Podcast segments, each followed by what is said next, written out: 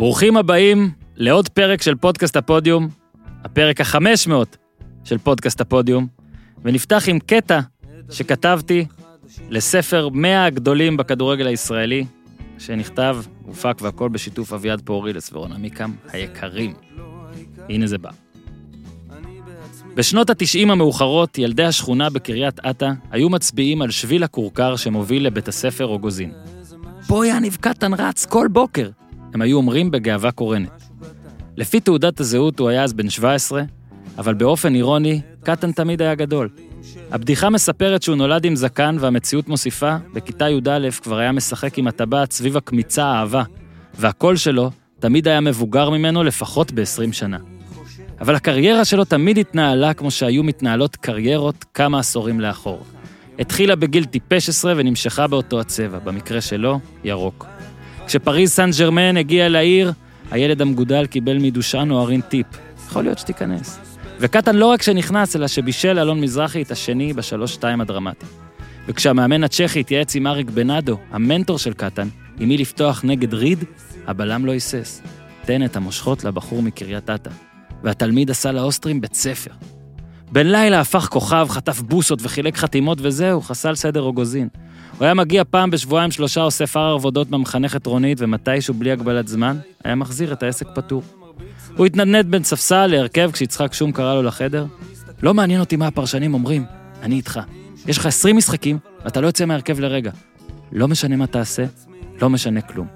אז קאטה נכנס להרכב, ויצא ממנו רק אל הפנסיה. בתווך הגר שבע אליפויות ושתי הופעות בליגת האלופות. הוא גם זה שכבש את שער הצ'מפיונס הראשון של קבוצה ישראלית באולטראפורד, ובין הרגליים של ברטז, לצרפתים תמיד הייתה חולשה אליו. רבע שעה לסיום, הוא עבר לאגף של דיוויד בקאם כדי להודיע לנסיך, החולצה שלך, שלי. שומי נבעט למראה שחקנו הנוטש את העמדה וצווח עליו, תחזור מיד! אבל קטן העמיד פנים שלא שמע. חיפה הפסידה 5-2, אבל בקאם לא שכח עם מי יש לו עסק, ובסיום נכנס לחדר ההלבשה כדי להשלים את העסקה. כמה שורות לאחר מכן, בניקוסיה, דיוויד לא היה, וגם לא ברטז, אבל קטן כן היה, ושוב קרע את הרשת. הרבה גיבורים ירוקים עברו במכבי חיפה באותה התקופה, אבל אף אחד לא היה לויאלי כמו הבחור מהקריות. אמנם נרשמה עצירת ביניים קצרה בווסטהאם, אך גם היא נקטעה בגלל הגעגוע. כי יניב קטן לא יכול היה בלי מכבי חיפה, והיא לא יכולה הייתה בלעדיו. התקופה הרעה שלה נגמרה זמן קצר לאחר שהוא הגיע, והתקופה הרעה התחדשה זמן קצר לאחר שעזב. כי מגיל אפס הוא היה ברזל. כך בבוקר משחק העונה של 2009, ינקלה התקשר לקפטן מהביזנס בטורקיה. הוא ידע על מי לסמוך.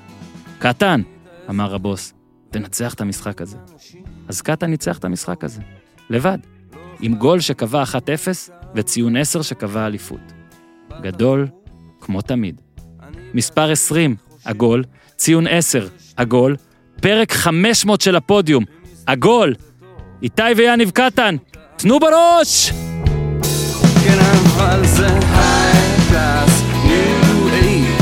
extra extra large, מה special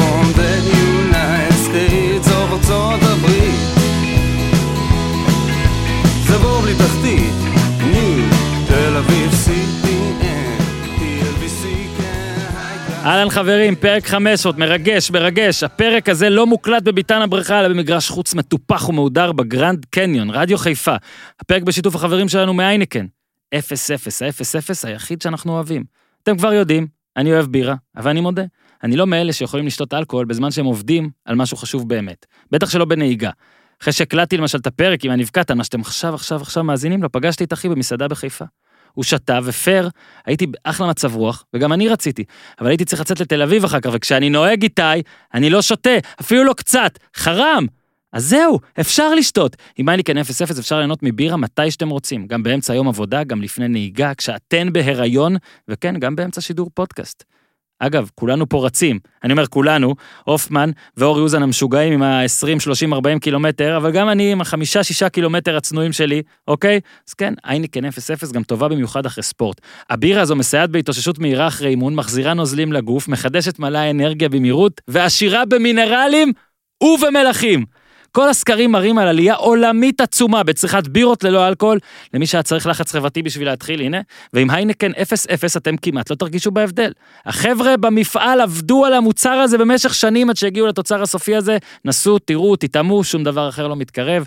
טיפ שווה במיוחד עכשיו, תקופת קורונה, מערכת חיסונית, דגש על בריאות, שמירה על משקל, בהיינקן 0-0 רק 69 קלוריות לבקבוק. אז הנה, אפשר לשתות בשידור. תגידו יפה לחיים ותודה להיינקן 0-0.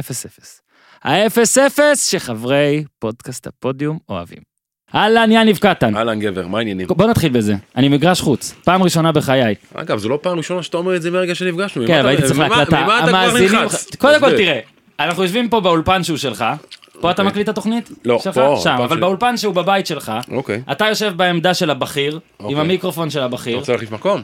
אני לא יודע, עכשיו אתה כבר פה, אני רוצה שיהיה לך נוח. אני נוח, אבל אני, מצב. תקשיב, אני באתי, קמתי בבוקר, נסעתי לבית מלון, הודיעו את שמע, אני אגיד ההרכב, לך משהו, אני אמרו לי שאתה- הגעתי. תותח, נכון?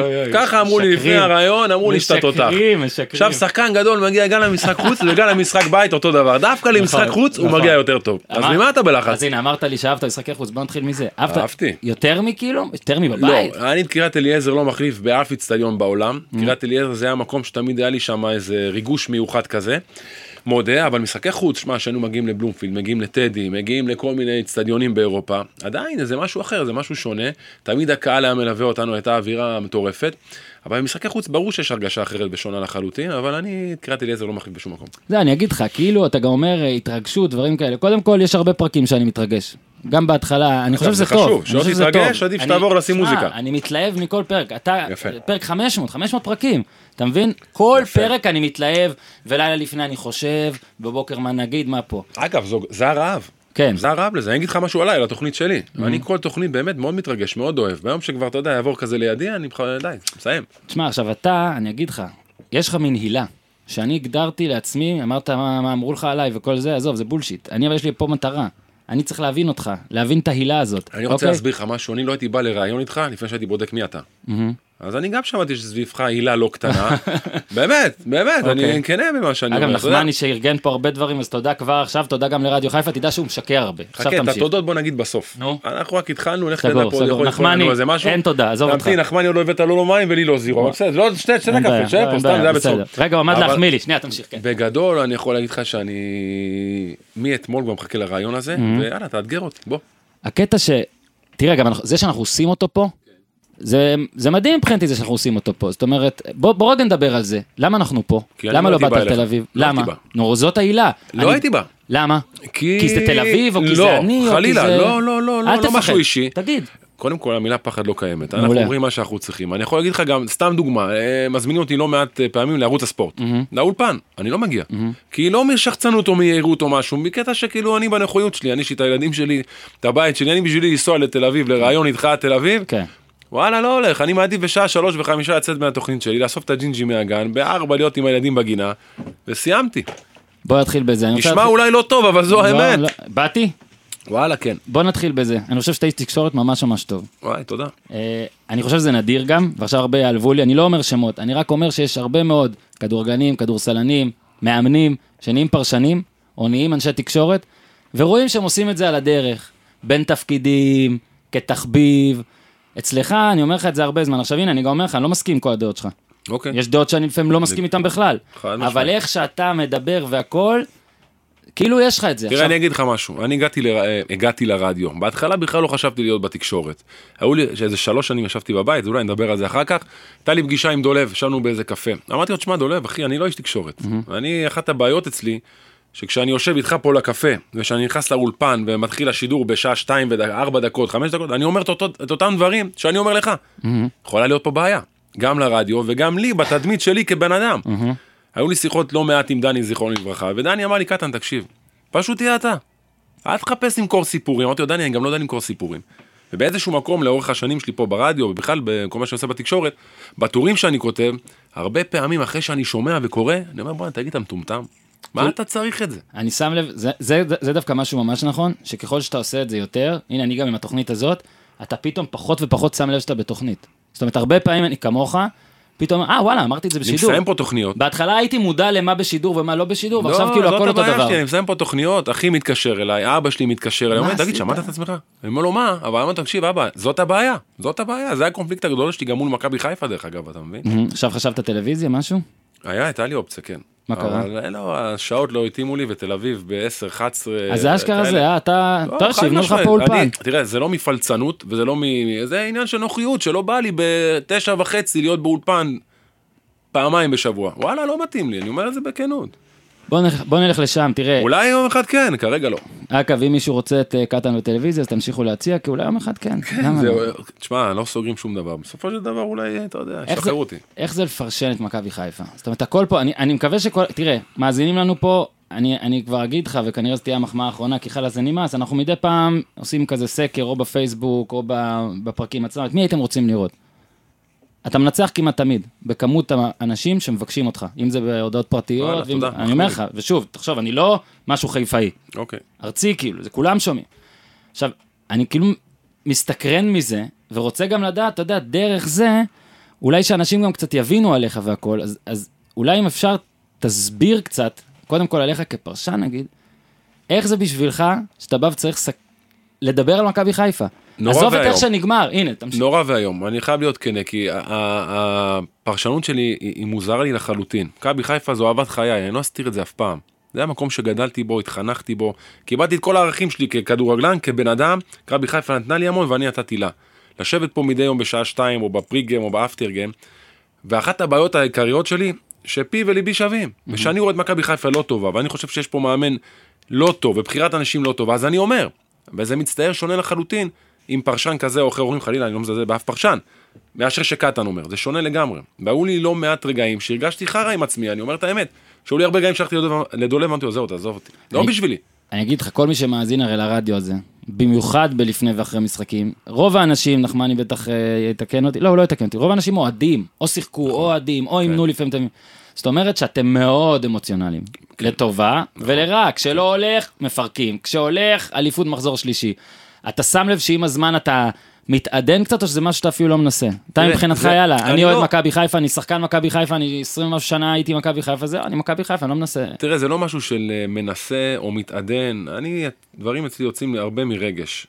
בשנים האחרונות שלי אולי כפשן, בשנה, שנתיים, ניסיתי גם להפעיל הרבה פעמים את הראש, אמרתי, רגע, תעצור, רגע, תחשוב, אבל באיזשהו מקום, אני חייב להגיד את האמת שלי, אני לא יכול להיכנס לאולפן ולצאת ממנו בתחושה שלא אמרתי את מה שאני חושב באמת, גם אם זה נשמע לא טוב. ויש על זה לא מעט ביקורות, ומכבי חיפה כועסים עליי, אבל הכל בסדר, אני לא מחפש לרצות אף אחד. בגדול, חלום שלי כבר לשבת ולראות את מכבי חיפה דורסת את הליגה כמו פעם, ותאמין לי, אני יושב פה עם שמפניות. הלוואי.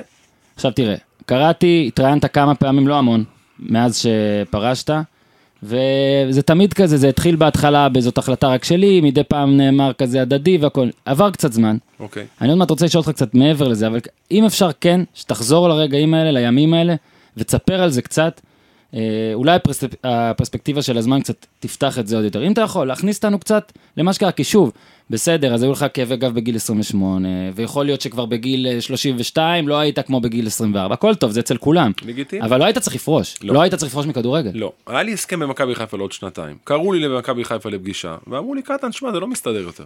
מגיע מאמן חדש, משנים פה את הדברים, הדברים צריכים להיראות אחרת. וזהו, ומה? וזהו, והעדפתי לסיים. כאילו- הביתה. אוקיי, אז עכשיו שאתה חושב על זה, ברגע שאני הבנתי שאין לי מקום יותר במכבי חיפה, ומכבי חיפה לא רוצה אותי, פה זה נגמר. היה לי בהסכם למכבי חיפה לעוד שנתיים, והחלטתי שזה נגמר. אבא שלי אמר לי בשום פנים ואופן, תמשיך לשחק כדורגל, אתה בן 33. היו פעמיים שלא הקשבתי לאבא שלי בקריירה. אחת, זה היה כשנחתתי מווסטהאם, אבא שלי רצה שאני אלך לביתר ירושלים בגלל הכסף הגדול, ואמרתי לו, אבא, לא, אני לא יכול. זו הייתה פעם אחת, ופעם שנייה שפרשתי, שהוא לא היה מוכן שאני אפרוש, ופרשתי מכדורגל. ועכשיו אתה מצטער? לא, אני לא מצטער על שום דבר. אבל ראיתי כמה אתה מתגעגע, אתה כל הזמן אומר אני מתגעגע, אני מאוד, מתגעגע. אני לא, אני לא, תראה, אני מדבר בשמי, אני לא יודע מה עם שאר. הכדורגלנים שפרשו, אני מאוד מתגעגע למשחק. כי גם, זה נגמר לי בקטע של, אה, בגיל 33 כמעט, כן? בקטע שאתה אומר, תראה, אה, לא הייתי באותו כושר של פעם, אבל עדיין יכול לשחק כדורגל עוד שנה, שנתיים וליהנות מהמשחק. אולי משחק פה, משחק שם, חצי שעה, להיות חלק מהעניין. כן? ואז ביום שזה נגמר, זה גם נגמר לי בפתאומיות. אז זה בהרבה יותר משמעותי, אבל געגוע לכדורגל יהיה לי גם בגיל 100. לא ניסית אבל לשכנע? נגיד תנו לי להיות, אה, לא, ראיתי לא, אותך לא, לא, מתייחס לא. לזה, כולם קוראים לזה שלום תקווה, כבר זה נעשה לא, כזה סטיגמת לא, שלום תקווה. לא, לא, לא. ברגע שישבתי אצל ינקלה והבנתי שזה נגמר, אז זה נגמר. היה לו קשה להגיד לך?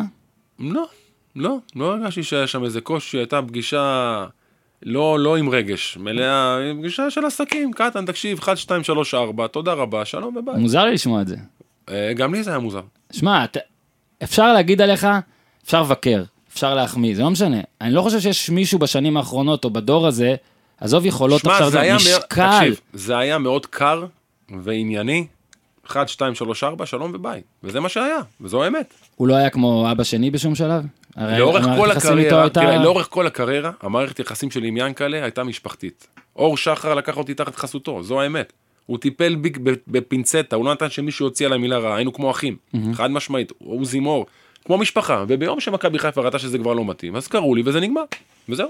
זה משפיע על איך שאתה חושב עליהם עכשיו, על איך שאתה מדבר עליהם עכשיו? לא, אני הייתי חייב לדעת לעשות את ההפרדה.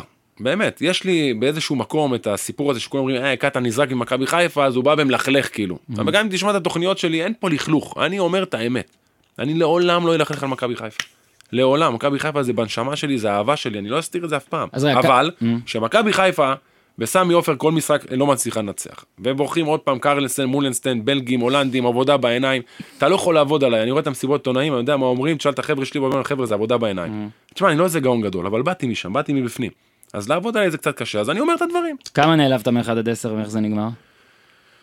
שמע, אתה מחזיר אותי לא מעט אחורה, אני לא יודע אם להגיד את המילה אה, נעלב, כמו שהייתי, הייתי בהלם, אני מודה. הייתי, קיבלתי סטירת לחי, שמע, אני ישבתי שלוש שנים בבית, לא, לא, לא הצלחתי להרים את עצמי, בצורה מאוד אה, משמעותית. ובגלל זה אני שואל, האם אתה לא, ותקשיב לי עד הסוף, האם אתה לא מצטער א', על זה, אולי היית כזה מלא באגו ויאנקל אומר לך דבר כזה, אז טוב וביי, ולא אומר לו, יאנקל, תקשיב, יש לי פה עוד הרבה מה לתת, בוא תראה את הקיץ, בוא שמע מי נבחן אותי, בוא נעשה זה, מקסימום קצת מחליף, תראה, אני אהיה הרכב בסוף, תן לי את הצ'אנס, אתה ממילא משלם לי, וב', האם לא מצטער על זה שאתה אומר, אם לא מכבי חיפה כלום, שישרף, כי אז זאת החלטה אימפולסיבית, ועכשיו פתאום אתה, הנה, לא, היא לא בבית. אימפולסיבית בכלל, ההחלטה היא בכלל לא אימפולסיבית. נכון שאני נראה כביכול אימפולסיבי ווולגרי ב- ב- ב- בתנועות שלי, בתגובות שלי. לא אמרתי.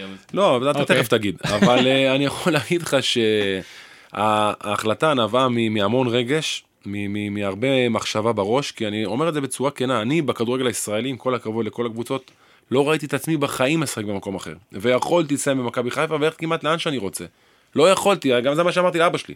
באתי הביתה ואמרתי, אבא, תקשיב, אני לא יכול, אני לא יכול ללבוש חולצה אחרת, אני בשביל לבוא לכפר גנים, ללבוש חולצה של מכבי, לעשות אימון, זה עולם ומלואו, אני לא רואה את עצמי מתלבש במקום אחר. העדפתי לשבת בבית. להגיד לך שהיה לי קל? וואלה לא, אכלתי כף על הפרצוף. לא, כי הרבה פעמים שאנשים מחליטים דבר כזה, אז ביום שהם מחליטים את זה הם שלמים. אבל אז עובר הזמן, ויש געגוע, ומה היה אם, ומה היה פה, ואת שוב, אתה בג- בגיל, עוד לא היית 33? עוד לא. נו, אתה מבין, זה תראה, מטורף. אני, או שכן, אני לא זוכר. תראה, בגדול אני יכול להגיד לך שאני בן אדם שאוהב לקבל החלטות מהירות. לחתוך דברים, אני לא אוהב לבחוש בדברים. החלטת, תתקדם הלאה. אבל עוד פעם, זה, זה משהו שאתה עושה מגיל תשע, באותו מקום. מכבי חיפה בשבילי זה לא היה מקום עבודה, זה היה בית. בית, בית לכל דבר. עד היום אני מרגיש ככה דרך אגב. עכשיו, אה, החזירו מלא חבר'ה. אתה, אני אפילו לא שואל אם ניסו עם זה, כי בטח קצת ופה, וגם אמרת מתישהו ניסו זה, לא יודעת.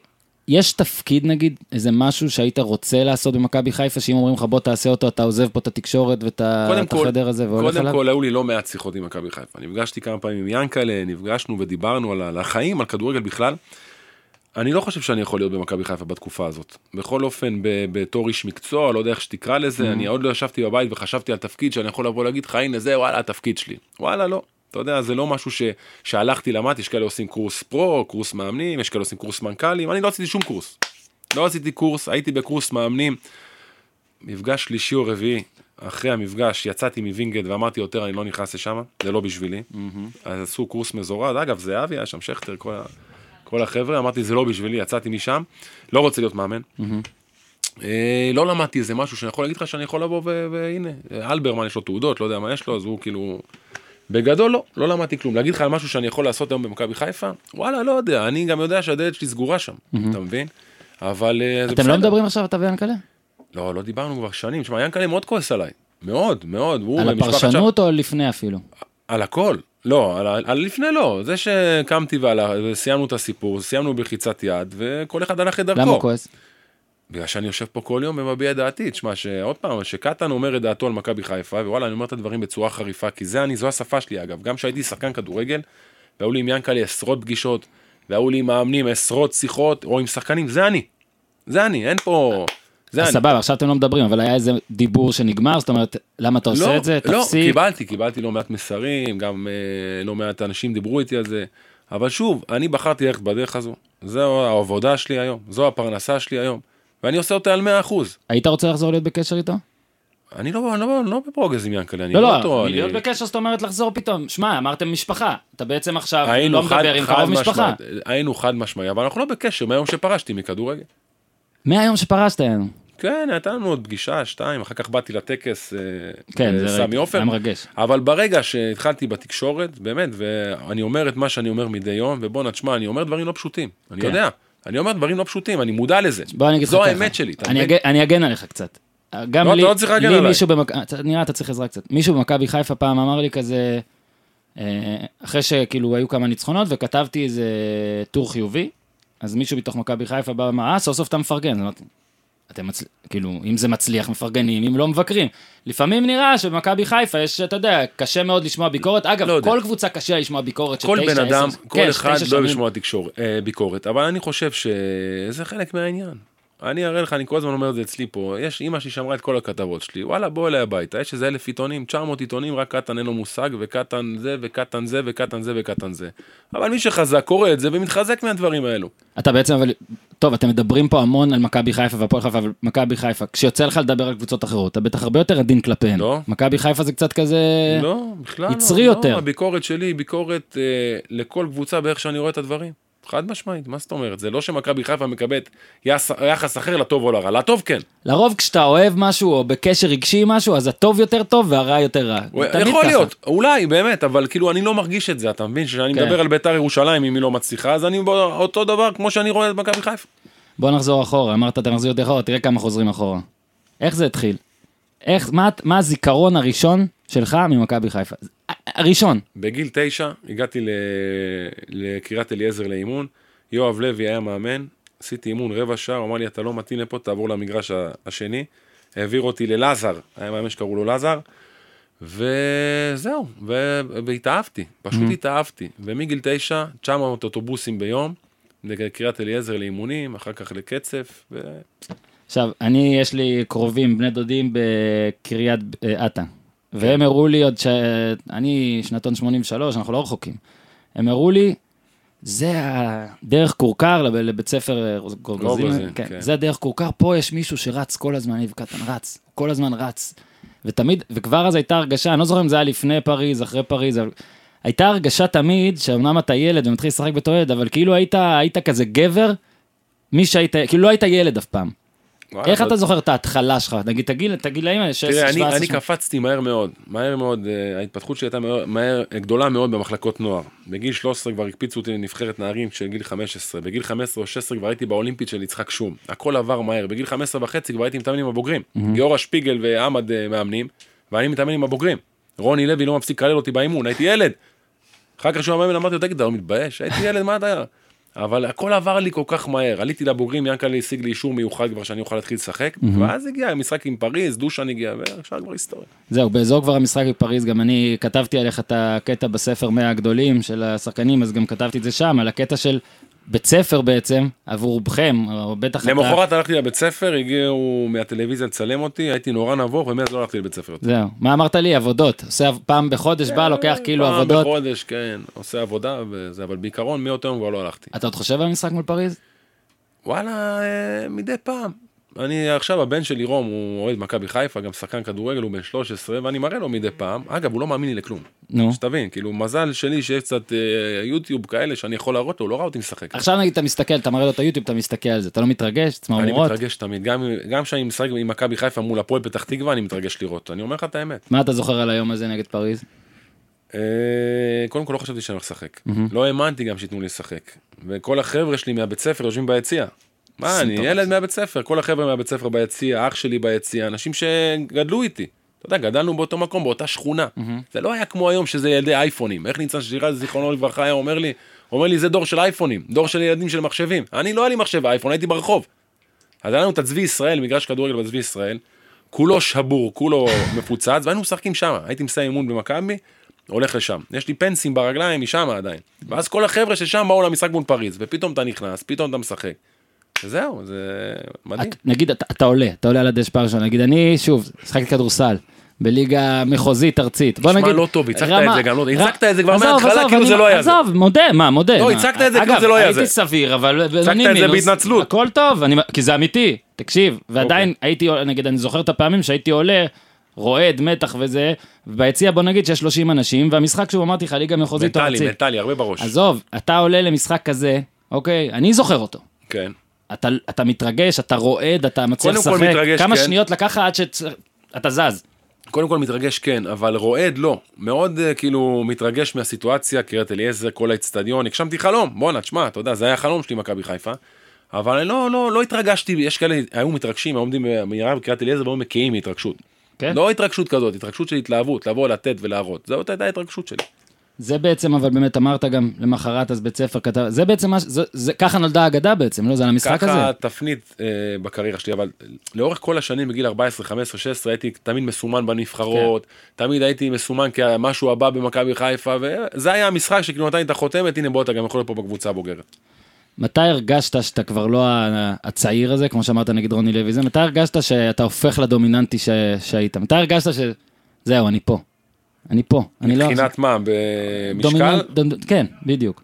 אה, שעה אחרי השנה עם אברהם, שרוני הגיע למכבי חיפה, לקחנו שלוש אליפויות רצוף, כבר הפכתי להיות בורג מאוד מרכזי בקבוצה, ושם כבר התחלתי להיות מאוד דומיננטי, ואז יצאתי לווסטהאם לכמה חודשים, חזרתי חזרה, ואז זה כבר נהפך להיות בהרבה יותר משמעותי.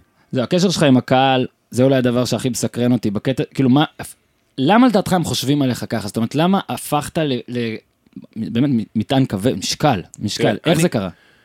קודם כל אני גדלתי שם. גדלתי, אני הייתי הולך ליציע ג' בתור ילד. מכבי חיפה היא האהבה שלי כמו, שזה, כמו שהיא האהבה שלהם. אני אומר לך את זה בצורה חד משמעית, כמו שאנשים מקעקעים את מכבי חיפה עליהם, אני קעקעתי את מכבי חיפה על הלב שלי. חד משמעית, אני באמת מרגיש ככה עד היום כמו ילד. וזו אותה אהבה. ואני באיזשהו מקום, שאתה בא ממקום מסוים, בא מהאנשים האלה, אז אולי האהדה אליך היא שונה. ואני חושב שמה שעשה את ההבדל בחותמת הסופית, זה שחזרתי מאנגליה. ויכולתי ללכת לבית"ר ירושלים באותו זמן, גיא דמק הגיע והשתולל פה עם כספים, ובאמת, אתה יודע, היום שמדברים על סכומים, אם אתה, הסכומים ש, ש, שכביכול ויתרתי עליהם, בוא תספר, לא על המספר, לא לא, לא. לא על. המספרים, לא על המספרים, תספר על התהליך, כי היה שם תהליך מעניין. היה שם כאילו, בוא, מה- תח- ת- ת- אני תגיד יצאתי מספר. לאנגליה לא בלב שלם. לא בלב שלם. יצא, הגשמתי חלום, רציתי כדורגל אנגלי, הייתי בכושר שיא פה בכדורגל, פיני זהבי בא אליי, אמר לי, תשמע, יש פורטסמוט ויש וסטאם, בוא נשב לדבר. אמרתי לו, לא רוצה פורטסמוט, רוצה וסטאם ב- בלונדון. ישבנו, התחלנו לתקתק את העניינים, אה, סיכמנו את החוזה, חתמתי שלוש וחצי שנים, נתנו לי חוזה גבוה מאוד. הגעתי לאנגליה עוד אחרי שלושה ימים, אמרתי למטלי, שנייה, תקשיב, זה לא בשבילי. שלושה ימים. שלושה ימים, אמרתי, תקשיבי, זה לא בשבילי, לא מתאים לי פה כל הסיפור הזה. הראש שלי, אני מסתמס עם רוני לוי, איך היה באימון, כאילו, אתה יודע, זה, זה, זה, זה הזיה, אתה מבין, אני מסתמס עם אנשים, מה קורה עם מכבי, מה, כל הזמן הראש שלי היה שם, תגיד מפגר, תגיד אידיוט, אבל זו האמת.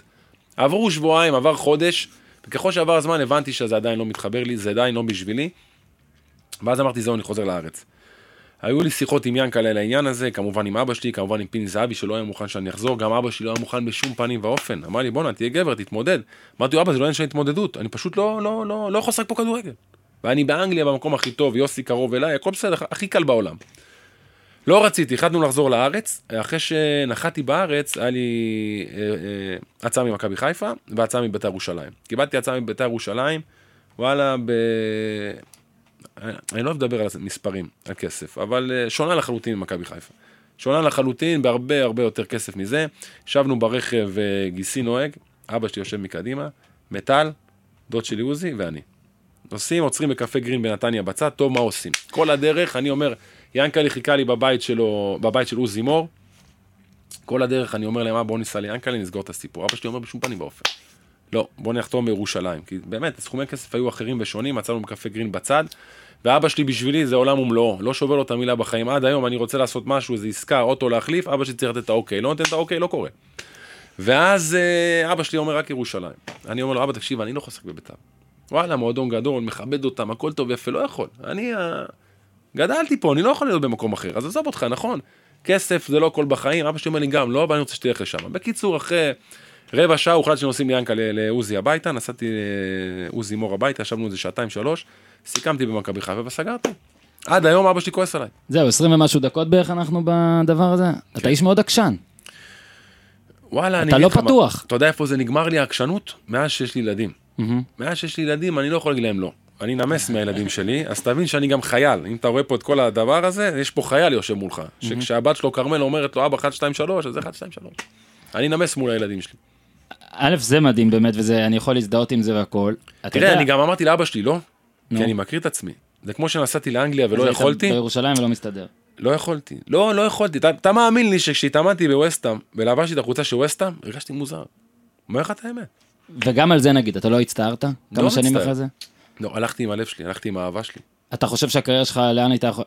לאן הקריירה שלך הייתה יכולה להגיע אם לא היית כזה עקשן? אני לא יודע. אולי באמת הייתי עושה עוד כמה מיליונים, אולי הייתי באנגליה עושה עוד דברים. אני אומר לך את זה בכנות, אה, לפעמים עברה לי המחשבה הזו בראש, אבל אני לא מצטער לרגע. שתבין, עשיתי את מה שאני אוהב. הסיפוק שלי ממכבי חיפה, הוא היה בשבילי הכל, זה היה חשוב לי יותר מכל דבר אחר. אתה יודע שהגעתי לקצ... לכפר גלים לאימון, אחרי שחזרתי, הרגשתי כאילו היה לי משקולת מהראש. לא, אני אגיד לך מה אני מתחבר. אני מתחבר במה שאתה עושה לזה שיש הרי בעיני אוהדי כדורגל כן. ואנשי תקשורת של כדורגל, יש את המסלול ששחקן טוב צריך לעשות. וכל מי שסוטה מהמסלול הזה הוא כאילו נכשל או לא הצליח. אגב, אני נכשלתי. לא, אבל אני אומר, א', זה יפה שאתה מודה בזה, אני אומר שאתה עשית מסלול אחר. אוקיי, אפשר לקחת כדוגמה באמת, אז נגיד גם אה, דיברנו, היה לי שיחה פעם, לא זוכר איפה זה היה, על הקריירה של זהבי. אוקיי. אוקיי? של כאילו הרבה אנשים אומרים זאת קריירה כושלת כי הוא בחר את זה ולא את זה. עזוב, הוא לא הנושא, אבל זה כדוגמה. אז אתה כאילו, אה, התייאשת באנגליה, אז אני הקריירה שלך לא נכשלתי, מושלמת. אני לא מתבייש להגיד, אני נכשלתי, אני יצאתי לאנגליה ברעש, הנה קטן, כושר שיא יוצא לאנגליה, ואני נכשלתי. אני לא כן, מתבייש אבל אתה את לא מצטער. לא מצטער. זה הקטע. אני יודע שנכשלתי, נכשלתי שלא נאבקתי מספיק, שלא, אתה יודע, נשכתי שפתיים, אמרתי בואנה אתה כבר פה, בוא תילחם על זה, בוא תעשה, נכשלתי בקטע הזה, ויתרתי מהר מדי, אבל ויתרתי על האהבה שלי, אני מודה. זאת אומרת, אתה מוצא, מצאת אושר, ומצאת שלווה, איך שתרצה להגדיר את הדבר הזה, באותו מקום, בלהישאר בו כל הזמן ובלא לצאת. בעיניי, אגב, זאת הצלחה. אתה אוהב את הבית שלך? כן. יפה, זה הבית שלי. אני אוהב את אשתי, אני חולה עליה, אני לא רואה את עצמי הולך לאישה אחרת. זה כמו מכבי חיפה, לא ראיתי את עצמי הולך למקום אחר, אני אומר לך את עכשיו האמת. נשים מתחילות להציע כסף, אני לא יודע איך זה הולך. לא, אני אומר לך את האמת. עכשיו, אז דיברת באמת על בית"ר, החזרה בטח באמת עשתה את הגושפנקה הזאת מהקהל. אבל אגב, החזרה. הייתה לי. קשה, כי. חזרתי ולא הצלחנו. הייתה תקופה לא טובה, והיו עליי מיליון ביקורות. אגב, אפרופו שאומרים שאתה מעביר היום ביקורת על מכבי חיפה, המון ביקורות, וביקורות של קהל, וביקורות של ינקלה. ואתה לא יודע איזה טירוף היה סביבי, כי קטן מגיע ומרוויח כל כך הרבה כסף, והיה טירוף, אבל זה חלק מהעניין. כשכוכב של הקבוצה, כשהקבוצה לא מצליחה, הכוכב של הקבוצה יחטוף הכי הרבה. גבר, אני נעמדתי לא? אחרי כל משחק ואמרתי, חבר'ה, אני לא טוב. הכל בסדר, תירגעו, אני אף פעם לא ברחתי מזה. אם תסתכל על כל המשחקים של מכבי חיפה, על ההפסדים שלה, הראשון שנעמד זה אני. כולם היו מתחבאים, מורידים את הראש, אחרי כל הפסד אני הייתי עומד מול המצלמות. אחרי ניצחונות כולם היו עומדים בתור להתראיין. אבל הכל טוב, כל אחד באופי שלו. הפסקה קצרה לספר לכם על החברים שלנו מרוזן ענק הביטוח. אגב, המשרדים שלהם זה בצפון, אה? קטן. רוזן ענק הביטוח, המקום בו אתם רוצים לעשות את ביטוחי הרכב, הדירה, הבריאות והעסקים שלכם. אני רוצה להמליץ לכם במיוחד על בדיקת התיק הביטוחי של רוזן ענק הביטוח. אני בלאגניסט גדול, אתם כבר יודעים, אני לא יודע איפה שמתי את המפתחות, עזבו תעודות זהות, לא יודע איפה הדברים האלה, אז בטח שאני לא יודע איפה אני מבוטח וכמה. לאחרונה, כמו סיפרתי, קרוב משפחה העיר לי, אתה יודע שאתה משלם פי שלושה ממה שצריך? כמובן שלא ידעתי. מניח שגם הרבה מכם לא ידעו. הידעת איתי שרוב אזרחי המדינה לא באמת יודעים איזה ביטוחים יש להם, ושיותר מ-41 זה כמעט חצי איתי, משלמים על אותו כיסוי ביטוחי פעמיים? כפל ביטוחים מיותר לאללה, מכיוון שגם אם קורה משהו חס וחלילה, ניתן להשתמש רק בביטוח אחד. לא ניתן לקבל החזר כספי, אין כפל מבצעים על החיים שלך. יענו איתי זה כמו שתצא החוצה, אוקיי? תקנה המבורגר, תשלם על עוד המבורגר, תיקח רק המבורגר אחד. מה? מה, מה הסיפור איתי? עכשיו, גם במידה וביצעתם את הבדיקה ואין ביטוחים כפולים, חשוב לבדוק בכל זאת את הכיסויים ואת המחיר של הביטוח שלכם. סביר להניח שניתן לשפר את שניהם. אוקיי, סתם מקרה, לאחרונה ברוזי ענק הביטוח חסכו תשלום למבוטח של 12,000 שקלים. אוקיי, זה רק אחרי בדיקה אחת. לא בא לכם לשמור קדימה לכמה שנים על 12,000 שקלים? הבדיחה באתר הביטוח הממשלתי פשוטה. אך קריאת הנתונים, הבנת הכיסויים ומידע מועט על האלטרנטיבות הקיימות מקשה על הבודק לקבל החלטה נבונה על הרכב התיק הביטוחי שלו. הלו, הרכב זה לא כדורגל, עם כל הכבוד לקטן, לכן חשוב להתייעץ או להיעזר בגורם מקצועי לבדיקת הביטוחים. מאזיני הפודיום, צרו קשר מיד, בטלפון או בצ'אט, בוואטסאפ עם רוזן ענק הביטוח. רגע, כן, כן, הייעוץ חינם.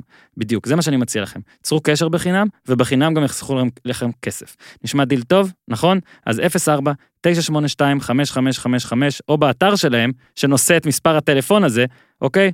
982-5555.co.il, 982-5555.co.il, ופה, פה, בתיאור הפרק, כמו שאיתי אוהב להגיד, יש, יחכה לכם לינק, אוקיי?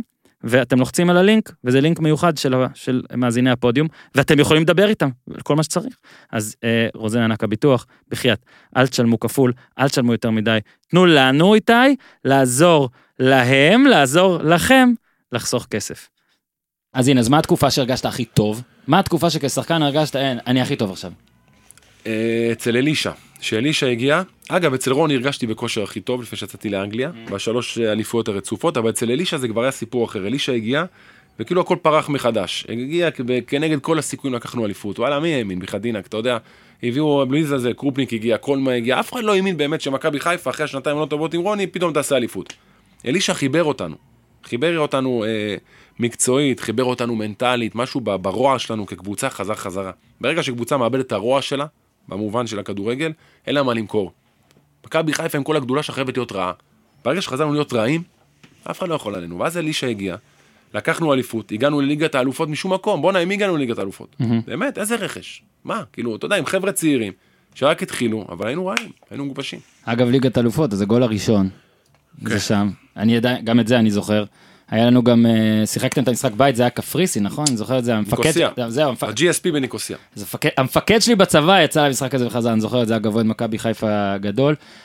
תראה, איך זה הרגיש, זאת אומרת, וואו, זה אי אפשר לתאר. את הרגע הזה שאתה עומד... באולטראפורד. שתבין, כאילו, ההתרגשות הגדולה שלי תמיד הייתה כפולה. כאילו, בתור ילד, יש לך חלום, לשחק במכבי חיפה, אתה מגיע למכבי חיפה, ואז אתה מגיע עם מכבי חיפה לשיאים האלה.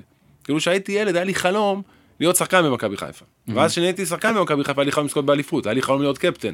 פתאום הגעת לליגת האלופות, זאת אומרת, קרו דברים בדרך מאוד גדולים, שהם העצימו את הדברים עוד יותר. בשבילי לעמוד עם חולצה של מכבי חיפה, לייצג את המועדון, לייצג את הקהל הזה, לשמוע את המנגינה של ליגת האלופות באולטראפורד, מה אתה צריך יותר?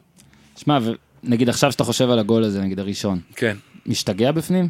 כשאתה רואה יוטיוב, אתה מאמין זה אתה? כן. וואלה, כן, אתה יודע גם... אתה זוכר כאילו את זה מהעיניים שלך, את כן. החוויה קורית עכשיו? כן, כן, אני זוכר את כל החוויה. אתה יודע מה אני זוכר במיוחד, ואני כל הזמן אומר את זה, שאנחנו עומדים כ... כ... יש לי הרבה ביקורות, אפרופו נחזור שנייה לביקורות, בטח. על זה שכאילו אני אומר מכבי חיפה באיזשהו מקום איבדה את הרוע שלה. אנחנו היינו עומדים באולט טראפורד, עם כל הכבוד למנצ'סטר יונייטד, לאולימפיאקוס, ובואנה היו קבוצות, עומדים מסתכלים להם בלבן של העיניים, היינו אומרים בואנה אנחנו מכבי חיפה. באים להתמודד כשווים. ובאיזשהו מקום זה משהו שבהרגשה שלי קצת השתנה במכבי בשנים האחרונות. מכבי חיפה בכל מקום שהיא מגיעה צריכה להיות גאה בעצמה בלי פחד ולא היינו מפחדים מכלום, גם היינו מפסידים, אבל היינו מפסידים כמו גברים. יש מישהו בקבוצה של עכשיו שאתה יכול להגיד שיש לו את זה? תראה, אני לא נמצא שם. אני לא נמצא ביום יום. אני לא רואה מה קורה. התקווה שלי בכל אופן שאני רואה את נטע, שאני רוצה שנטע גם יהיה כזה. אני, אני לא, לא, התאמן, נטע התאמן איתנו כמה פעמים שהוא היה ילד, היה צעיר, שאני רואה אותו עכשיו על המגרש, אני מאוד מקווה שיש בו את- החומר הזה, את הרעות הזאת להשריש באחרים, כי באיזשהו מקום אתה צריך אחד כזה, ואז מתחבר עוד אחד ועוד אחד ועוד אחד, ונהיה לך בסיס של כאלה, של כמה חיות כאלה.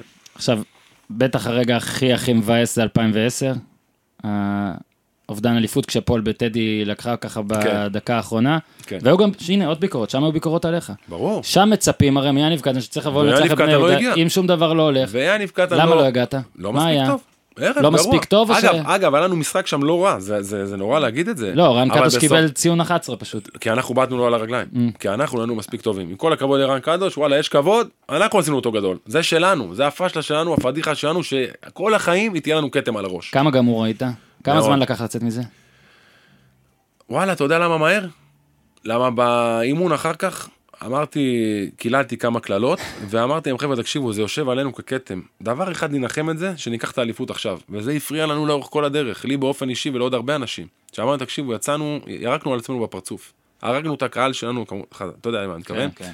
דבר אחד ינחם את זה, עדיין לא יוריד לגמרי את הכתם הזה, אבל ינחם את זה ברגע שאנחנו נבוא ונעשה אליפות.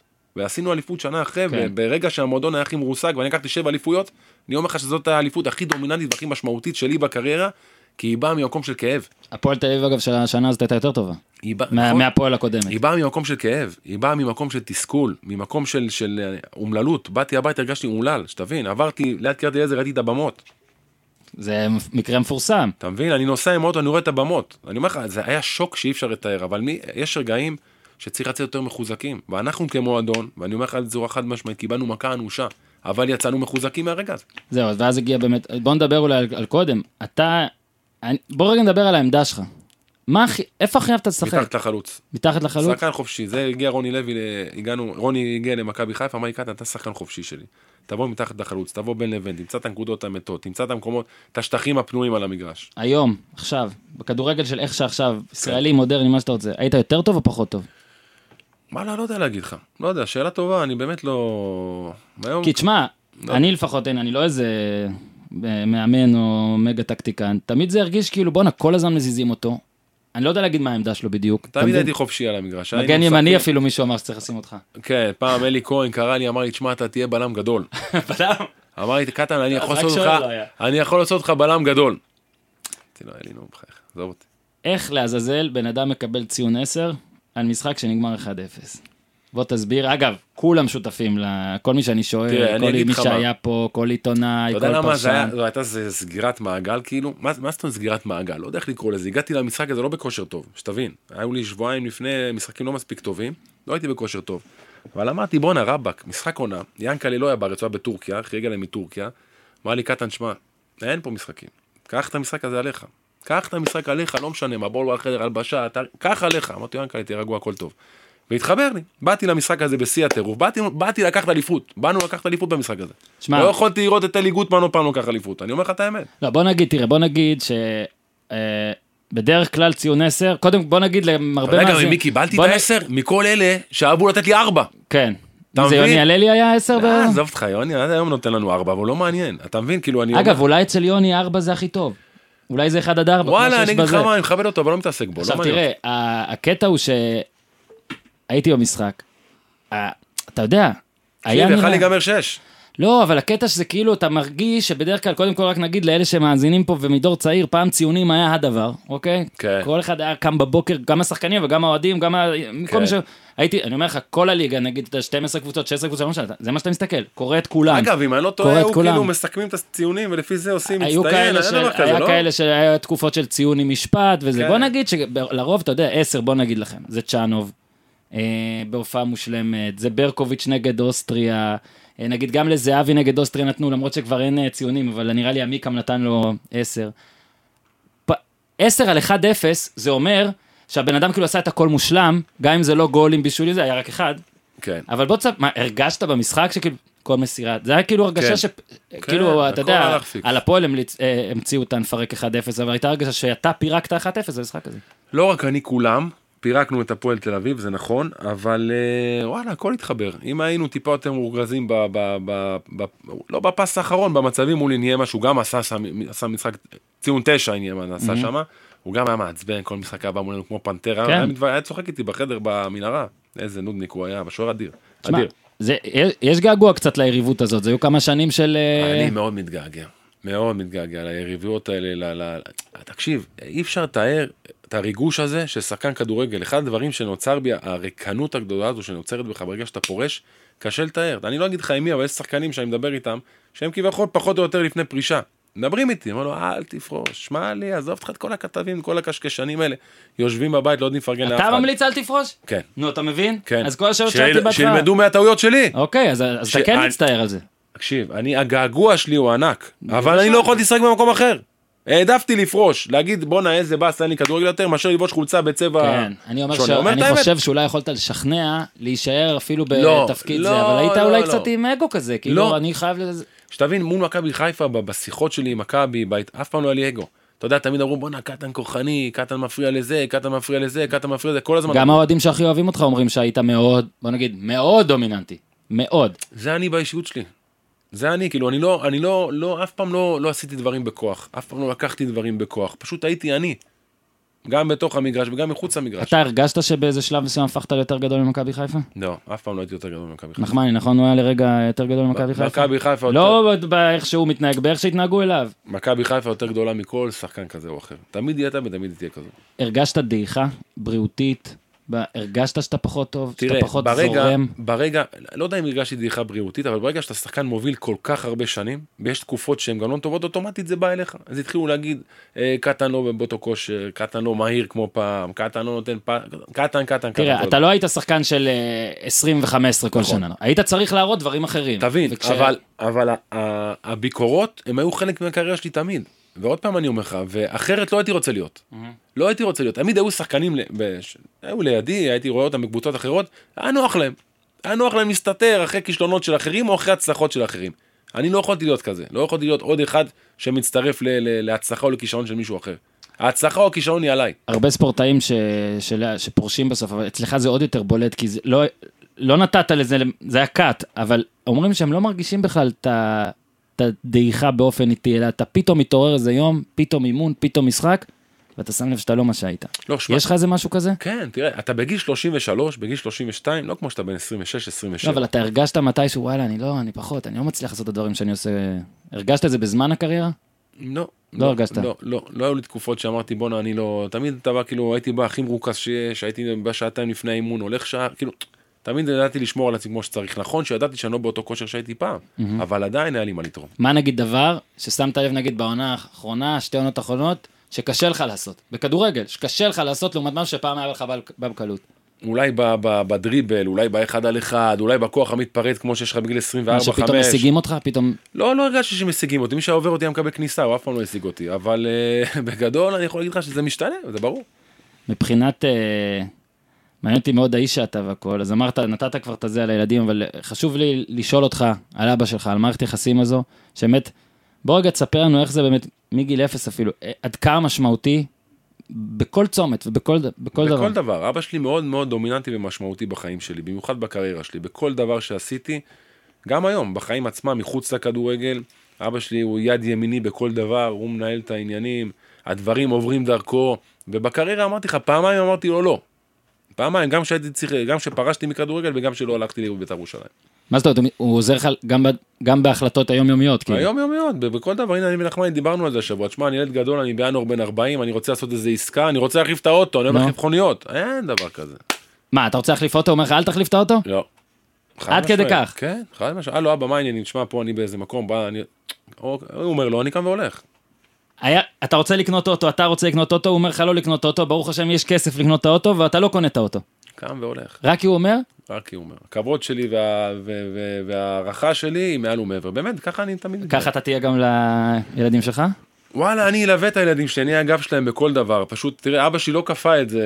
אני, אני בוחר להיות כזה, אתה מבין? מההערכה שלי ומהכבוד ומהראייה שלו ומה שאני מאמין שהוא רואה ומסתכל ומחפש את הטוב בשבילי. אבל הקשר שלי עם אבא שלי הוא מאוד עמוק.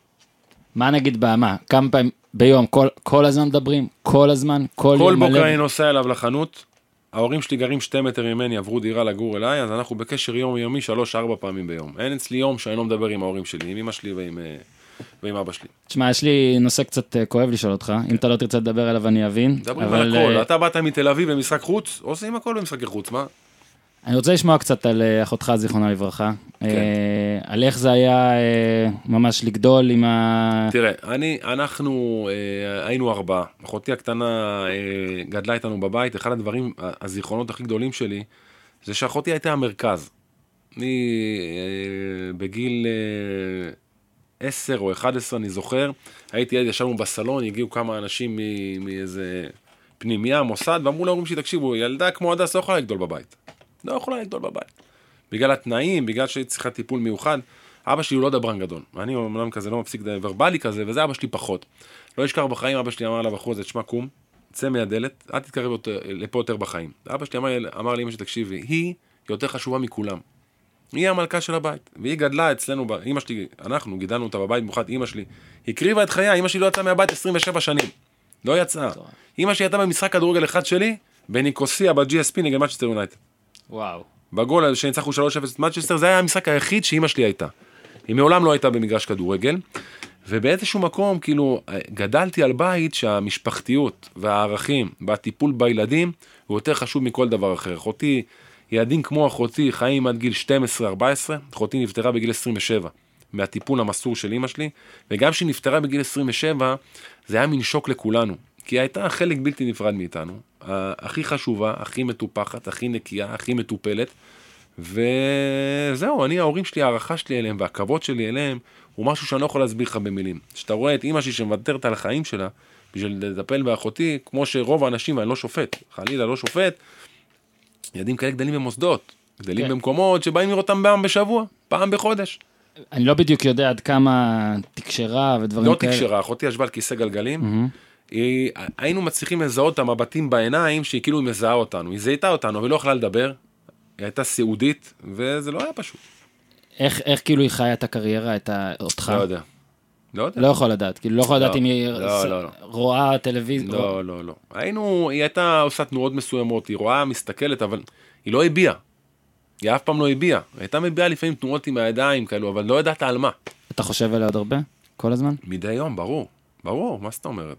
אמא שלי מדברת עליה המון, אבא שלי חלק בלתי נפרד מאיתנו. זאת אומרת, אני כאבא היום, המשפחתיות שלי והבית שלי זה ערך עליון.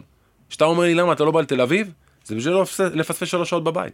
כן, אני אמרו, אומר לך את האמת. אמרו לי גם שנגיד אם, אתה יודע, אתה הרבה פעמים רוצה גם, אתה יודע, שהכל יהיה בסביבתך, זאת אומרת, אתה רוצה להיות איתם כמה שיותר. כאילו, זה כאילו חשוב לך, כאילו זה- כמו לסמן שמע, טבלה, זה- הייתי איתם חמש שעות היום, הייתי איתם שש שעות היום, זה רק לא רוצה- טבלה, לפעמים אני אומר בוא'נה אולי אני דפוק, אולי זו אובססיה כזאת, אולי באיזשהו מקום בוא'נה אתה צריך גם טיפה לעצור, אולי אתה חונק מדי.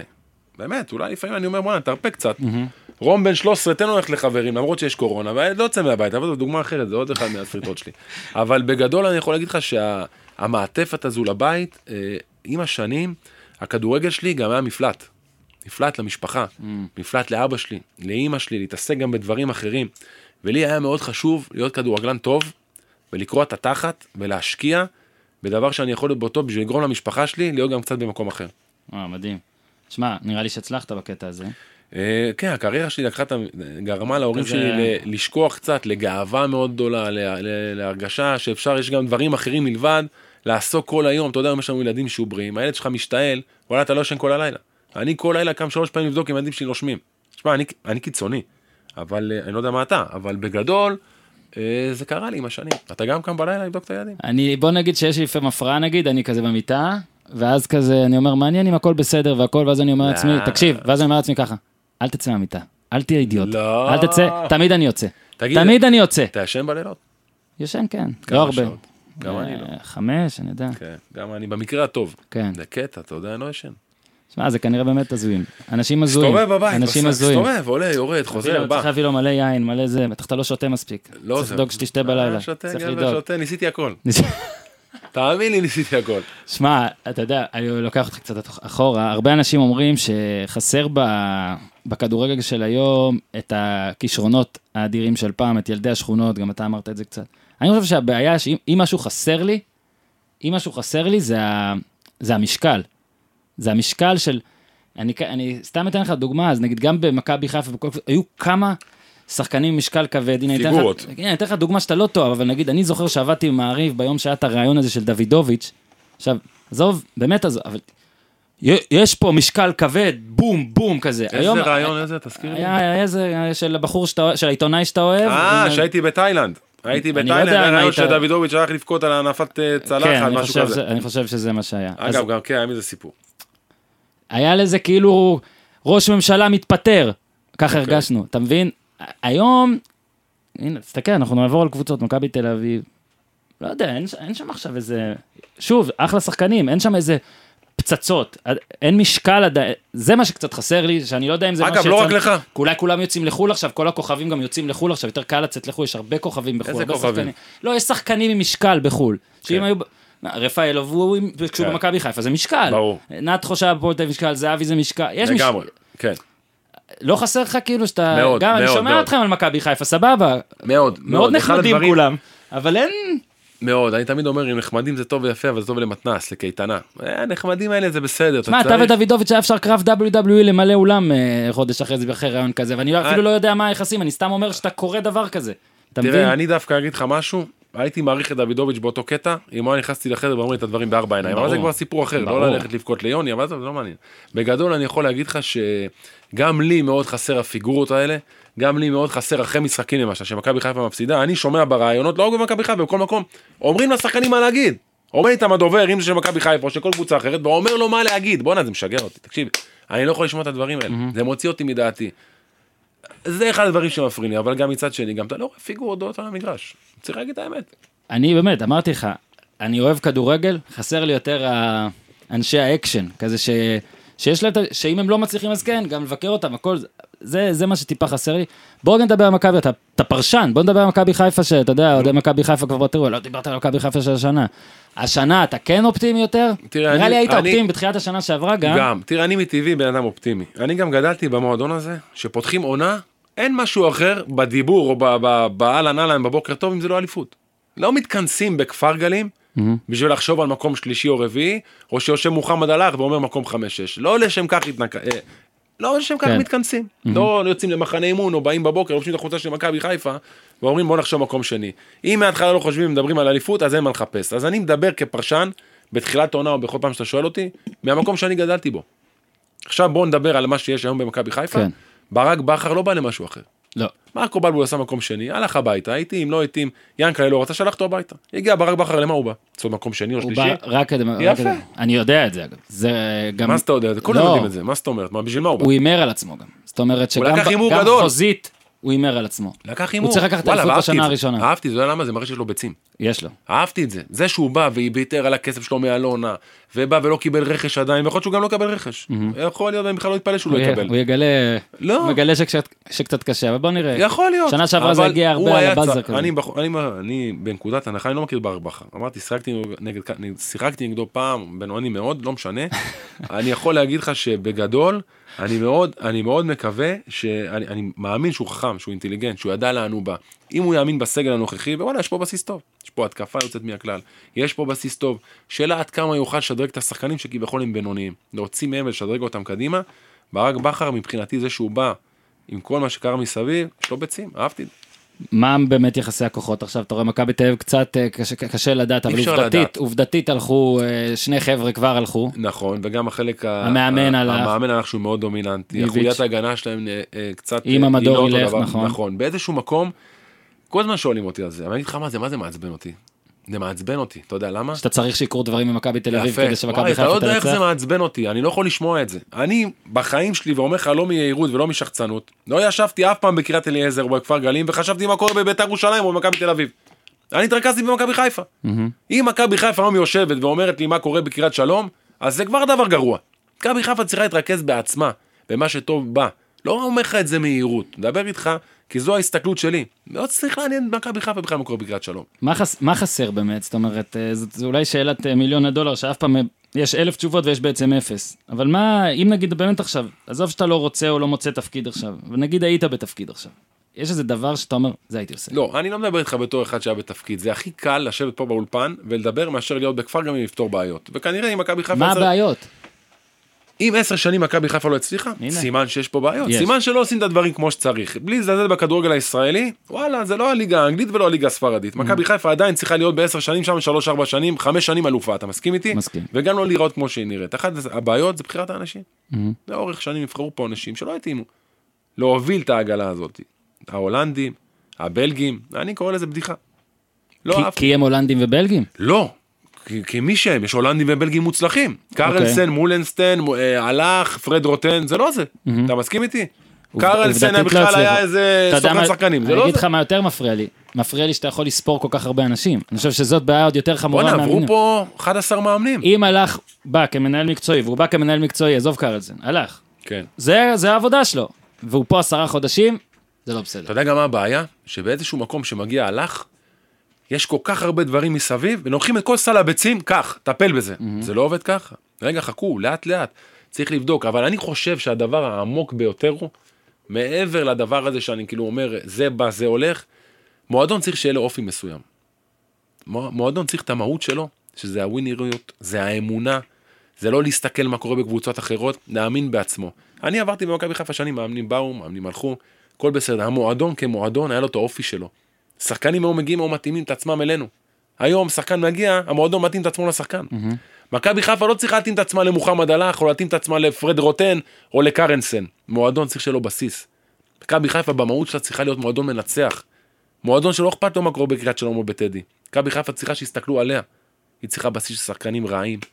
צריכה בסיס של שחקנים שמאמינים. שמבינים שהם לובשים את החולצה הירוקה שלהם, יש סביבם צבא של אוהדים, שהקבוצה מקועקעת להם על הגוף. יש הרבה דברים שהם מעבר לכדורגל. אני הרבה פעמים, היה לנו תקופות רעות. לא טובות. אבל הרוע הזה שאני מדבר איתך עליו, האמונה הזאת, שגדלנו מתחת, אכלנו את הבוץ הרי בקריית... אליעזר שהיינו ילדים, ההערכה היא שונה, ההסתכלות היא שונה. מכבי חיפה באופי שלה, משהו השתנה, משהו קצת... היו מפסידים פה משחקים בסמי עופר, הייתי שומע רעיונות, הייתי יושב בעמדת שידור, הייתי סותם את הפה בשביל חס וחלילה לא להגיד דברים שאני אעשה פה איזה תביעות לרדיו. אתה מבין למה אני מתכוון? לא יכול הדברים היו מתקבלים ב... ב- ב- ואם, אוקיי. ואם העולם השתנה, אולי העולם השתנה ולא מכבי חיפה? אני שואל, אני לא, אין תשובה נכונה. מה אכפת לי? אתה אומר לא משנה מה, שמכבי? חיפה תהיה מה שהיא הייתה. מה אכפת לי? כי לפעמים כשאתה מנסה להיות רק עבר ורק קריית לא, אליעזר ורק לא, זה, לא אתה מדבר איתך מפספס איזה. רכבת. לא מדבר איתך על עבר. מכבי תל אביב של מדבר איתך עכשיו על היא לא. מכבי של ה-70's, היא אחרת.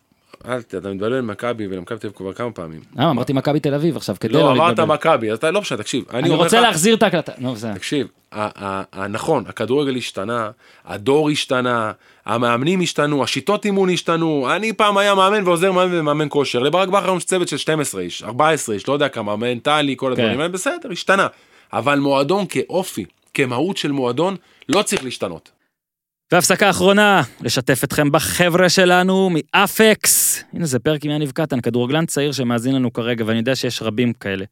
האם גם אתם רוצים להיות יניב קטן כשתהיו גדולים? אז הנה, אפקס יכולים לעזור לכם להפוך לכאלה. עם תכנים והשראה ממרכזי מצוינות בגרמניה וציוד ברצלונה, קבלו את אימוני המומחים המיוחדים של אפקס, פיתוח יכולות אישיות בכדורגל. עם החבר'ה של אפקס תקבלו שלושה מאמנים מומחים באימון אחד, אוקיי? יש את הצד הפיזיולוגי, צעד ראשון כוח מתפרץ, יש את הצד הטכני, מהירות תגובה, קואורדינציה, טכנולוגיה, מור רגל עם קציצה, כן, זו תחנה עם קציצה הנודע, ותחנה עם שחקן עבר שיביא את הניסיון שלו אחד על אחד, מגע, אלכסונים, למשל, השחקן הכי מותר בישראל וחבר של קטן אריק בן אדו, יוסי שבחון, מאורו מאמן הכושר במחלקת הנוער של אתלטיקו מדריד, עופר דורון מאמן הכושר של הפועל, אחת לכמה אימונים יערך שחקן מבדק, לבחון את ההתפתחות, שום דבר זה לא ככה בהרגשה, לא עובדים על עיוור באפקס, הכל לפי נתונים והערכת יכולות, מי שיירשם יזכה גם למפגשים קבועים עם אנליסט אישי שינתח את האימונים עבורו, וגם עם מאמנת מנטלית אישית. כל האספקטים, אפקס ייתנו לשחקן, אם זה אתה, אם זה הילד שלך, את כל האקסטרות שכדורגלן מודרני צריך, יחס חניכה של ארבעה או שישה כדי שבאמת יהיה אפשר לעבוד ולהשתפר, אל תחכו, זה הזמן, במיוחד עכשיו, מה עם הליגות, לא יודעים, אבל מוטב שהשחקנים ייצרו פער על פני הקולגות, צרו קשר עוד היום, אפקס, A-F-E-X, אפקס, אפקס.co.il או בטלפון 054 9 4 3 9 4 3 0 054 9 4 3 9430, מאזיני הפודיום שרוצים את אפקס, אימון ניסיון חינם. כל מה שתיארתי לכם עכשיו, אתם באים לאימון בחינם. לכו, תראו, אתם תראו, תראו זה מתאים לכם, תלכו על זה. אוקיי, מדהים, אפקס, סניפים בתל אביב בירושלים. שוב, כל מי שמגיע דרך הפודיום, אימון ניסיון חינם, להשתפר עם אפקס. אם נגיד עכשיו היית צריך, ואנחנו לא מסתכלים על מכבי תל אביב, אלא בכלל, מה אתה מרגיש לקראת העונה, אז נגיד היית צריך להגיד סיכויים. הכל פתוח. יש פה חוסר ודאות מאוד מאוד גדול. עם הקורונה. מאוד גדול. הקורונה הזו השפיעה פה על כל דבר אפשרי, גם אצלנו ובכל העולם בכלל. בתחושה שלי שהכל פתוח, ובאיזשהו מקום, אני מאמין שברק בכר באמת אולי יכול לבוא ולעשות פה את השינוי, אבל הוא צריך גם להביא דברים מעצמו. הסגל כמעט הוא אותו סגל. אין פה כוכבי כדורגל כל כך גדולים, יש פה שחקנים טובים. שאלה אם אתה יודע להפוך שחקן טוב להיות מצוין. אם אתה יכול להפוך שחקנים להיות ווינרים. מי אתה אוהב במכבי חיפה שזה יפתיע אותי? שחקן שאתה אוהב, ווואלה, זה כאילו, אני לא, לא, לא מצפים שתגיד את זה. לא יודע למה אתה מצפה, אני, אני אוהב את חזיזה. מהמם. אוהב את חזיזה, אני אוהב את השיגעון שלו. קודם כל אני חושב שהוא מלא בכישרון. כן. מלא בכישרון הילד הזה, יש לו דברים ברגליים, אני אוהב את הכישרון שלו, אני גם אוהב את החוצפה שלו. אני אוהב אנשים חוצפנים במובן הטוב של המילה. כשדיברת על רע, יפה. חשבתי אני, קצת אני עליו. אסביר לך למה, למה אני מתכוון. הוא עדיין לא שם, אבל אני חושב שהוא יכול לעשות את הקפיצת מדרגה, ואני אסביר לך איפה זה בא לידי ביטוי. לפעמים יוצא כדור לאאוט, הוא רץ בטירוף להביא את האאוט. לפעמים עושים עליו עבירה, אני רואה אותו מתעצבן בפנים שלו, והוא בא מקבל, נותן כניסה אחר כך לשחקן. אלה דברים שחסרים לי בשנים האחרונות. יש פה אפתיות, הוא לא אפתי. אתה- תשמע, אני לא מכיר את הילד הזה, לא דיברתי איתו, אף פעם לא פגשתי אותו. בשפת גוף שלו על המגרש אני מאוד אוהב, אבל איפה זה גם יימדד? בחדר הלבשה. מה זה חדר הלבשה בשבילי? שיש במחצית וכולם רדומים ויורדים בפיגור 1-0 למכבי פתח תקווה, קם חזיזה, אני אשמע קצת בוטה ווולגרי, אבל מעיר את החדר הלבשה. מהיר, ויש לפעמים רגעים ששחקנים צריכים לעשות את זה על עצמם, ועד היום זה לא היה. מה זה מהיר, לזרוק משהו? ברור, זרקת דברים? בטח, מה זרקת? כל מיני. כיסא? מה שבחדר הלבשה נשאר בחדר הלבשה, זה לא עניין. הכיסא שזרקתי בחדר הלבשה נשאר בחדר הלבשה. אגב, חזיזה, שתדע, הוא היה אצלי בפרק, ובגלל זה אמרתי שחשבתי עליו, כי הוא גם אמר שכשהביאו אותם, אז כולם חשבו, יאללה, הביאו עוד שחקנים 15, 16, 17, והוא בא בהרגשה, אני הולך להיות הרכב מכבי חיפה. הולך... וזה אהבתי. אני אוהב את ה- את הארסיות שבו. במובן הטוב של המילה, אתה מבין את הכוונה שלי? כישרון אני לא מדבר על, אני לא העניין המקצועי, על האישיות, ובמכבי חיפה בשנים האחרונות היו חסרים כאלה, היו ילדים טובים מדי. רובם ילדים טובים, כאילו אוקיי, הפסדנו, לא נורא, הכל טוב. הפסדנו למכבי תל אביב, בסדר, לא נורא. מה זה בסדר? הגישה הזאת שלך, כל מה שאתה אומר עכשיו, מישהו מתוך מכבי חיפה נגיד, הרי אתה אומר את זה כל הזמן, עזוב עכשיו, הוא פרשן שמבקר אותנו, מישהו בשנים האחרונות ניסה להרים טלפון, תן לא, זה? רק עצבן אותם. זה רק עצבן לא, אותם. כשזה בשידור אין בעיה, אבל אתה אומר פה דברים. לא, לא, לא, לא, לא, לא, אני פסול שם. שתבין, הדעה שלי, שאני אומר לך אותה עכשיו, ואני אומר אותה מדי יום, היא לא מתקבלת שקטן מדבר ככה. אגב, יודעים שזה אמת. יודעים שזה נכון, תראה, זו הגישה שלי, אני אגיד לך למה? וואלה, ככה גידלו אותי. אני לא באתי למכבי חיפה בגיל תשע כמו שאני היום. ככה גידלו אותי. ינקלה תמיד אמר לי, אף אחד לא ייתן לך, תיקח לבד. תהיה רע, תיקח. תשאל אותו, לפני משחקים ינקלה היה עומד, ואומר, חבר'ה, אף אחד לא ייתן לכם פה מתנות. תיקחו לבד. צריך לקחת. ובמכבי חיפה בשנים האחרונות לא יודעים לקחת. מי המאמן הכי טוב שאימן אותך? רוני לוי, הכי טוב. הכי טוב. הוציא ממך הכי הרבה... רוני לוי היה מאמן, אה, מבחינתי, פפ, תותח. מי השחקן ש... רבתי איתו כל יום, שתבין. כל יום. רוני לוי היה- אומרים שהוא יודע. ואני מת עליו, הוא גבר כן, אמיתי. כן. גבר אמיתי, אבל היינו רבים. מי השחקן שהכי קשה לשחק נגדו? כל פעם המעצבן הזה. וואלה, לא יודע. לא, אני לא, לא היה לי איזה אחד שהייתי, הייתי אוהב את המשחקים הקשים האלה, את האתגרים האלה, את האמצע העמוס הזה, בבלומפילד כזה, וכניסות ובלאגן, הייתי אוהב. עם מי הכי היית אוהב לשחק? מי השחקן שהיה הכי כיף איתו, הכי טוב? היו לי מלא. שמע, אני לשמחתי יצא לי לשחק עם שחקנים גדולים, משחקתי עם זרים גדולים. תן אחד, אנחנו צריכים לסבך אותך עם מישהו. אחד לגמרי, כן, שכיף איתו, שטוב איתו, שמכיר אותך, עיוור, אתה מוסר לו, הוא מוסר לך, קל יותר איתו. לא, לא, אני אספר את זה קשה, לא, לא, היו לי, היו לי תקופות נפלאות. אני לא יכול להגיד לך אחד, זה רק הוא. לא, אני נהניתי עם קולאוטי מאוד, בהבנה עיוורת, דבשווילי היה ענק. הייתי אז שהייתי יותר צריך את ג'ובאני ואת ג'ו טאוטס, והיה לך ווליד בדיר שחקן תותח, ועידן טל היה שחקן שאי אפשר לתאר במילים עם הרגל שמאל שלו המטורף הזה. כן. היו שחקנים גדולים ששיחקתי איתם, להצביע על אחד, וואלה, זה קשה. אמרת אוטוטו 40. ינואר. למה אתה הכי מתגעגע? הכי מתגעגע למנהרה בקריית אליעזר. לעמוד ראשון, לפני שיוצאים לחימום, ואז תמיד אני מסתכל בעין ליציע ג', מסתכל שורה ראשונה לראות שאבא שלי הגיע, ולצאת לחימום. זה הכי, זה. זה הרגעים. זה- יש לי כל יום אה, אה, משהו אחר, אבל עכשיו שאתה שואל אותי, כן. זה- יש לי לפעמים יום שאני מתגעגע לאימונים, בוא'נה, אני קם בבוקר, אין לי מה לעשות.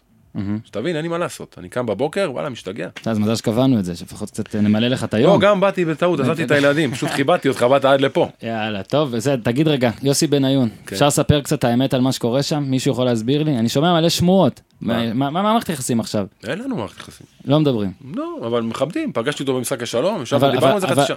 אני עכשיו בטח הרבה אנשים יגידו, יא אידיוט, מה, אתה לא יודע מה קרה, ואני לא יודע מה קרה. יש משהו שקרה, שזה פשוט לאט לאט. גם אני שמעתי שמועות שפרשתי. ובחרתי לא להתעסק בזה. ברגע שהחלטתי לסיים ולקום וללכת, שהבנתי שמכבי חיפה אמרה לי, זהו, נגמר פה אצלנו, לא בבית ספרנו, יכולתי להמשיך ולהתעסק, למה, איך קרה, למה זה קרה, מי אמר, מי לא אמר. יכולתי לבחוש בזה בוקר, צהריים וערב, ובחרתי שלא. בחרתי לקחת את ההחלטה הזאת, להבין שזה נגמר, שלום וביי. לא רציתי יותר מדי ללעוס את זה. כן. גם אני שמעתי מלא כאילו, דברים. אתה לא, אתה לא, לפחות מה שאני אומר, אתה לא בסכסוכים עם אנשים, אתה פשוט לא מדבר איתם. אתה פשוט נגמרת לא, מערכת יחסים. לא, איזה מערכת יחסים? כאילו, מה, מה, לא, איזה... הייתה מערכת יחסים, לא? לא הייתה? שיחקתם בכמה קבוצות. כן, אבל אתה יודע, כל אחד במקום שלו, בחיים שלו, בבית שלו, וזהו, אני לא... כאילו, חשוב לך, חשוב לך שידברו עליך כאל בן אדם כזה כבד בהיסטוריה של מכבי חיפה? חשוב לך המורשת הזאת? תבין, ה- אני זה אני. אני לא, לא חשוב לי שידברו אליי בדרך כזו או אחרת. כל אחד שידבר עליי איך שהוא רוצה. בחיים שלי לא רדפתי אחרי משהו, ובחיים שלי לא ניסיתי להשיג. דברים. הצגתי את עצמי. אני יושב מולך היום, הייתי גם ככה בגיל 24-5, היו לי, אתן לך סתם דוגמה. נו, מאמנים, לא רוצה להגיד את השמות. הייתי יושב עם מאמן, והוא אומר לי, בואנה, תשמע, יהיה אחלה אימון. אומר לו, בואנה, על מה אתה מדבר? אימון רע מאוד. דברים כאלה שלא נגמרים בפיצוצים, אבל זה אני, לטוב או לרע. שמע, אתה יודע, זה... כי יש הרבה שחקנים נגיד, שגם אם לא מודים בזה וזה, הם גדולים והכול. ומאוד חשוב להם כאילו הקטע הזה של זה עושה להם טוב גם. נגיד, תראה, אם היה חשוב לי, אז הייתי יושב פה כל יום ברדיו ומתייפייף. ומספר לך סיפורים, וואלה דובונה אכפת לי, וואלה הכל טוב, וההוא ענק, וזה ענק, וההוא ענק. הייתי עושה לעצמי יחסי ציבור, היית אומר בואנה. מהמם. אבל אני לא כזה. אני בא ואומר את שלי, אז יש כאלה שמעריכים את זה יותר, ויש כאלה שמעריכים את זה פחות. עכשיו שאתה הולך ברחוב, סואן כשאין קורונה, איך זה נראה? אותו דבר כמו בשנה האחרונה? אותו טירוף בגלל כן. האישיות פלוס הרדיו? כן. מה נגיד הצעקות? איזה צעקות אתה מקבל? מה אתה מקבל? את אותן שאלות שהייתי שחקן. קטן מה יהיה? כן, כן, שואלים אותי ביום את זה אתה עונה? כל אחד אתה מתחיל לענות, אני עונה פרשנות? לכולם, אני מכבד את כולם, לא פרשנות וכאלה, אני תמיד עונה, תמיד. מכבד.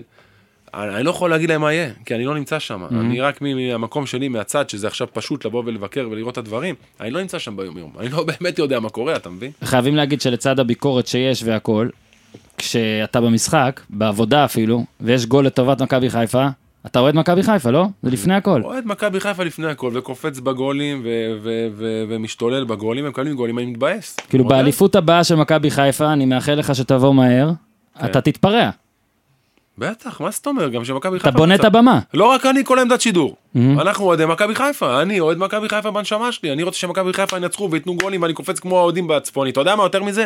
אני מת לשבת בצפוני, איך אני איתך? נו, לא יכול. כי פה נחמני וכולם מחזיקים אותך ברדיו, אם ייתנו לך פס, קודם כל הם לא מחזיקים אותי. הם לא יכולים גם להחזיק אותי.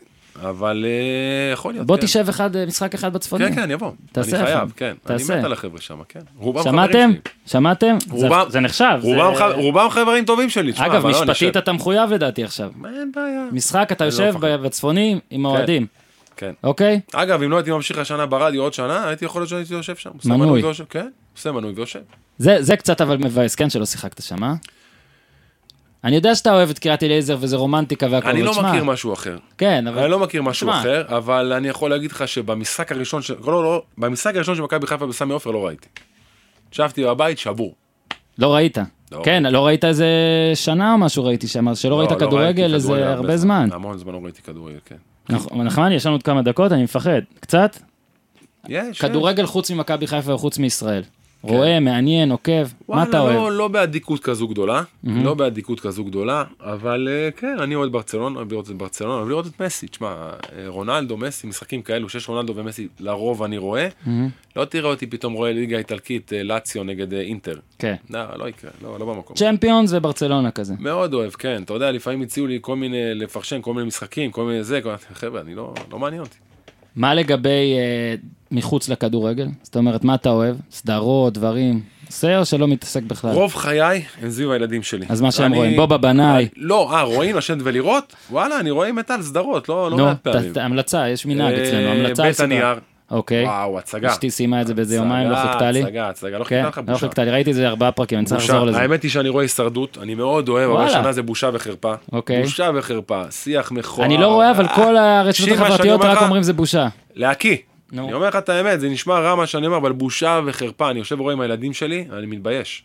מה איך אני מתבייש, מתבייש. שיח נורא על הפנים שם. עכשיו, אתה יודע, שמרתי את זה, שמרתי את זה לסוף, אה, אצלנו בפודקאסט אחד הנושאים הכי מעניינים שכל הזמן אנשים מאזינים להם זה ירדן שואה. כן. גם כשאנחנו מנסים לא לדבר עליו, פתאום אתה שם לב 25 דקות דיברת עליו לאורך העונה הזאת. אגב, זה קורה לי גם בתוכנית פה. אז זהו, אז אני, אה, אני עוד, ש... בוא נגיד, אני מכיר דברים, אוקיי. אה, פרסמתי הרבה דברים שקרו, אני יודע הרבה דברים ש... שלא פורסמו, אז מה אתה צריך אותי? אני רוצה אותך את הדעה שלך. את הדעה שלי? אני, אני קודם אתן לך את שלי, כן? כן. אני חושב שכבר היה צריך להעיף אותו מזמן. אוקיי. לחתוך, תודה רבה, סבבה. יכול להיות. עכשיו שבכר בא, אני מבין אותו כזה שהוא אומר, אני רוצה לראות איך זה יהיה. אם לא אתה יודע אם אותי, החלטה של בכר. אם אתה שואל אותי מה אני חושב שיקרה, אני חושב שזה לא יסתדר גם עכשיו. הלוואי שאני טועה, אגב, כולם חושבים שאני נגדו, אני לא נגדו. הלוואי שאני טועה. מה אתה היית עושה? בעיה מאוד גדולה. אני בן אדם שאוהב משמעת, בן אדם שמאוד מאוד אוהב שמכבדים את המקום שנמצאים בו, ובהתנהלות של ירדן שואה לא, לא היה ממושמע ולא כיבד את המקום שהוא נמצא בו. עם כל הכבוד למרקו בלבול, גם לי היו חילוקי, חילוקי דעות עם מאמנים, בסדר. אבל המועדון מעל הכל. נחצה פה קו אדום לא פעם ולא פעמיים ירדן שואה. יכול להיות שהוא הרשה לעצמו, כי הוא כביכול שחקן של ינקלה, ויאנקלה בא והשקיע פה מיליוני שקלים, והוא הבו- הסוכריה של ינקלה, אז הוא הרשה לעצמו. היום הוא קיבל עוד הזדמנות ממכבי חיפה, זה כבר שלו.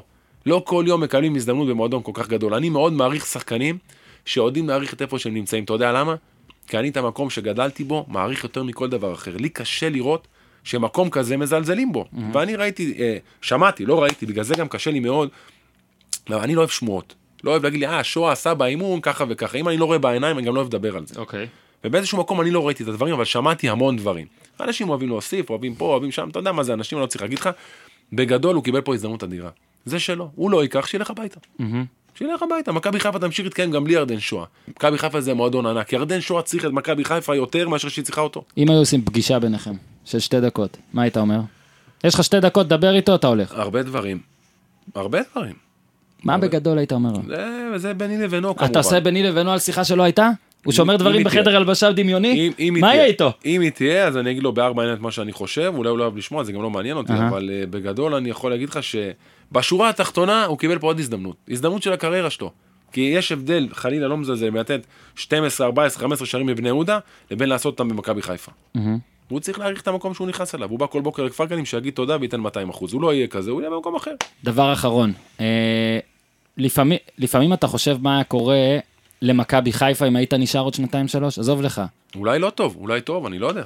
אין, אין, אי אפשר לדעת. אז הגיע סטנואביץ', אתה יודע מה הכי עצבן אותי? נו, הוציא אותי מדעתי. עכשיו אתה מתחיל. אני כל אימון במכבי חיפה, וואלה, הייתי רץ. אין, אין, שיבוא מאמן כושר אחד, ויגיד לך שקטן לא היה ראשון בכל הריצות, בכל האימונים. וואלה. ואצלכם בוואלה, לא אגיד את השם של הכתב, שאין לו מושג, אני לא אשכח את זה בחיים, ישבתי בבית, התנתקתי מהכל, שולח לי חבר טוב, תראה מה כותבים עליך.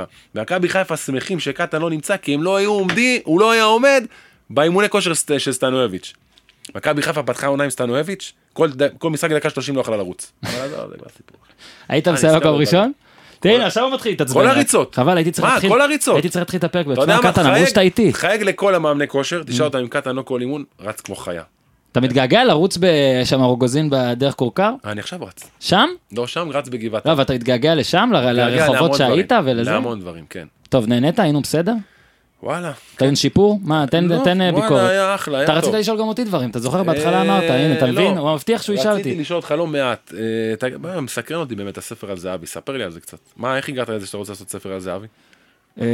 בגדול רציתי לעשות ספר על משהו. עכשיו אוקיי. אני עובד עם זהבי זה משהו, אין ספק. אני עובד עם הספורט, זה, היה ב-2014 במונדיאל, נפגשתי ביום של הגמר עם זה שכתב את הספר על מסי, על גוורדיולה, על רונלדו, והוא הספיק גם פוצ'טינו, אוקיי? אוקיי. אז היה מסי וגוורדיולה, ונפגשתי איתו, עשיתי כתבה ביום שיצא הספר של מסי, הגרסה הספרדית, נתנו לי זמן לדבר איתו והכל, כמובן שאברהם גרנט הגיע, כי אברהם גרנט, מי שלא. יודע, בכל מקום כן. בעולם שאני נמצא, ואני לא נמצא במלא, אבל בכל מקום שאני נמצא, אתה רואה פתאום את אברהם גרנט. אני יכול אפילו להגיד שהיינו בברזיל ביחד, כי הוא היה תקשורת אז, הוא היה אוקיי. פרשן.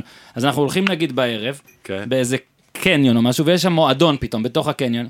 אתה יודע, השומר בכניסה, צ'לסי, צ'לסי, תקשיב, כל מקום, כל חדר, 60 איש סביבו, זה לא יאמן. ספר לי, בקיצור- זהבי הספר, נו, קיצור? כן, ראית, אני לא, כש- כששואלים אותי אני לא ממוקד. בקיצור, אמרתי לו, אני רוצה לכתוב ספר. יש לך עצה בשביל הסופר וזה. הוא אמר, תכתוב על איזה נושא ש...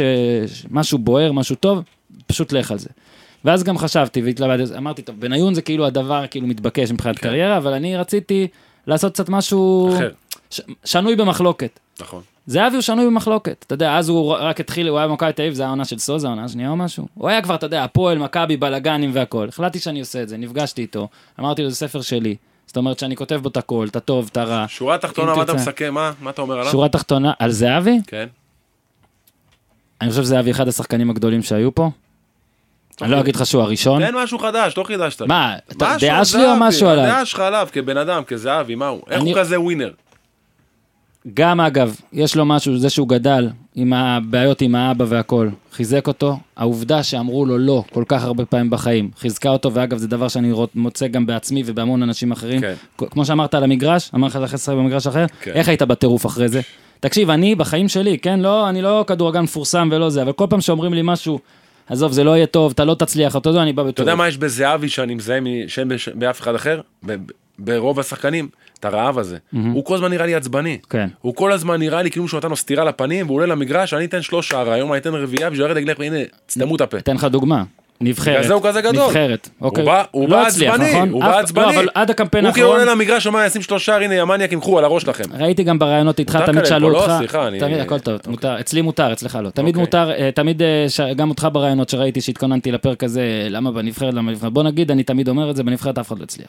אוקיי. משמעותית אף אחד מאז שאני רואה. אף אחד. ב- ברגע שהנבחרת לא מגיעה, לא מגיעה לשום מקום, אז אף אחד לא מצליח. לא יעזור. השחקנים יותר טובים בקבוצות גם מזה, זה עזוב. אוקיי, זה סיפור אחר. הוא בא לפני הקמפיין האחרון, לפני הקמפיין האחרון, ויצא לנו לדבר, היה משהו של, של כאן, של הנבחרת, כן. שעה- ביקש שאני אראה לו טבלה של הגולים בנבחרת. זאת אומרת, כמה הוא רחוק מבניון.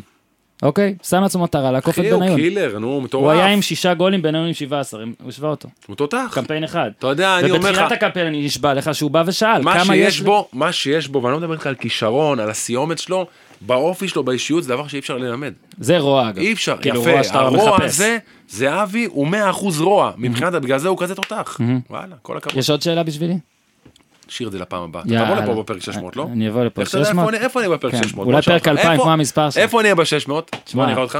איפה, אני? אני, אני. אני. אנחנו הרי נעשה רעיון ב-600, לא איפה קטן ילד אחר. גיאוגרפית אתה תהיה בתל אביב, כי הפודקאסט יהיה כל לא. כך חזק, כל כך? חזק. אז אני מאחל לך, אוקיי? כן. כבר קטן קצת נפתח, בא לתל אביב. איפה קטן יהיה? וואלה. רגע, כמה זמן לוקח לעשות 100 פרקים? אה, בוא נראה, יש בערך 12 בחודש, עשרה חודשים אני חושב, משהו כזה. אז בוא בפרק 700. איפה קטן יהיה איפה ב-700? קטן יהיה? היינו כאילו שנה וחצי, שנתיים. כן. אני בטוח שאתה תהיה בטלוויזיה, פשוט בטוח שמישהו בסוף ייתן את ההצעה, הלוואי שפה יחזור העניין, קורונה יפסיקו לפחד, מישהו ייתן את ההצעה, שימשוך אותך לאיזשהו דבר מה, יונית טלוויזיוני. לוי בחדשות? כאילו רב עם אמנון אברמוביץ'? מה? אני לא יודע אם אתה גם כמו ברקו וזה אוהב לגשת לחדשות ומבין בזה, אני, כל דבר אבל שתשאל, יש לי תשובה. אמרתי, אני חושב שאתה תהיה בטלוויזיה, אני לא חושב שאתה תהיה במכבי חיפה, אוקיי. אני לא חושב שאתה תהיה, כי אתה באמת אמרת גם, אה, זה טלוויזיה, ספורט לדעתי, אולי ערוץ הספורט, לא נכנס לך פה לזה, עשרה אחוזים זה יקרה, תביא.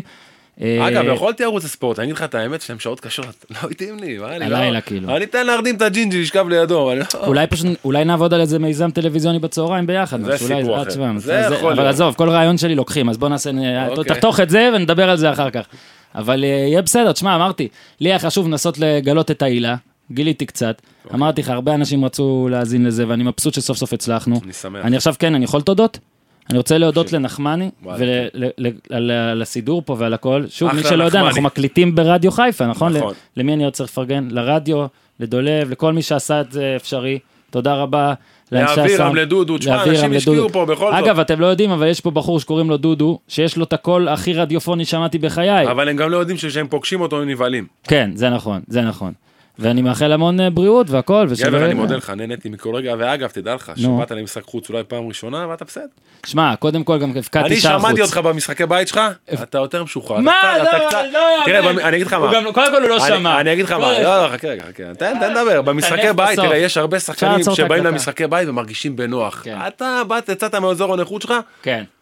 לא, אני תשמע, מקווה קודם כל אמרתי 700 לך, אתה גם שמת אותי מיקרופון שגריר טורקי, אני במיקרופון אתה חוץ. יודע מה הכי גרוע מה שאתה עושה עכשיו? אתה מתרץ. תגיד לי קטן, אתה יודע מה? תקשיב, קטן. אתה צודק. בוא נגיד ככה, כן? מה אתה רוצה? תגיד. זה. בית חוץ, נכון? כן, עכשיו אנחנו פרק 500, כן. ניצחת 2-1, אבל הבקעתי גול לא, חוץ. לא, לא, ניצחתי 1-0. אין לך גול חוץ. מה אין לך גול חוץ? לא עשית שום דבר שאין לך גול חוץ. אם ההקלטה עובדת, גול חוץ לא, קרה, השאלה היא... ההקלטה היא שלי. קטן לא ישלח לי, תקשיב, תביא. את ה-MP3. ההקלטה היא שלי, 1-0 לי. סגור. יאללה, אני אוהב 1-0.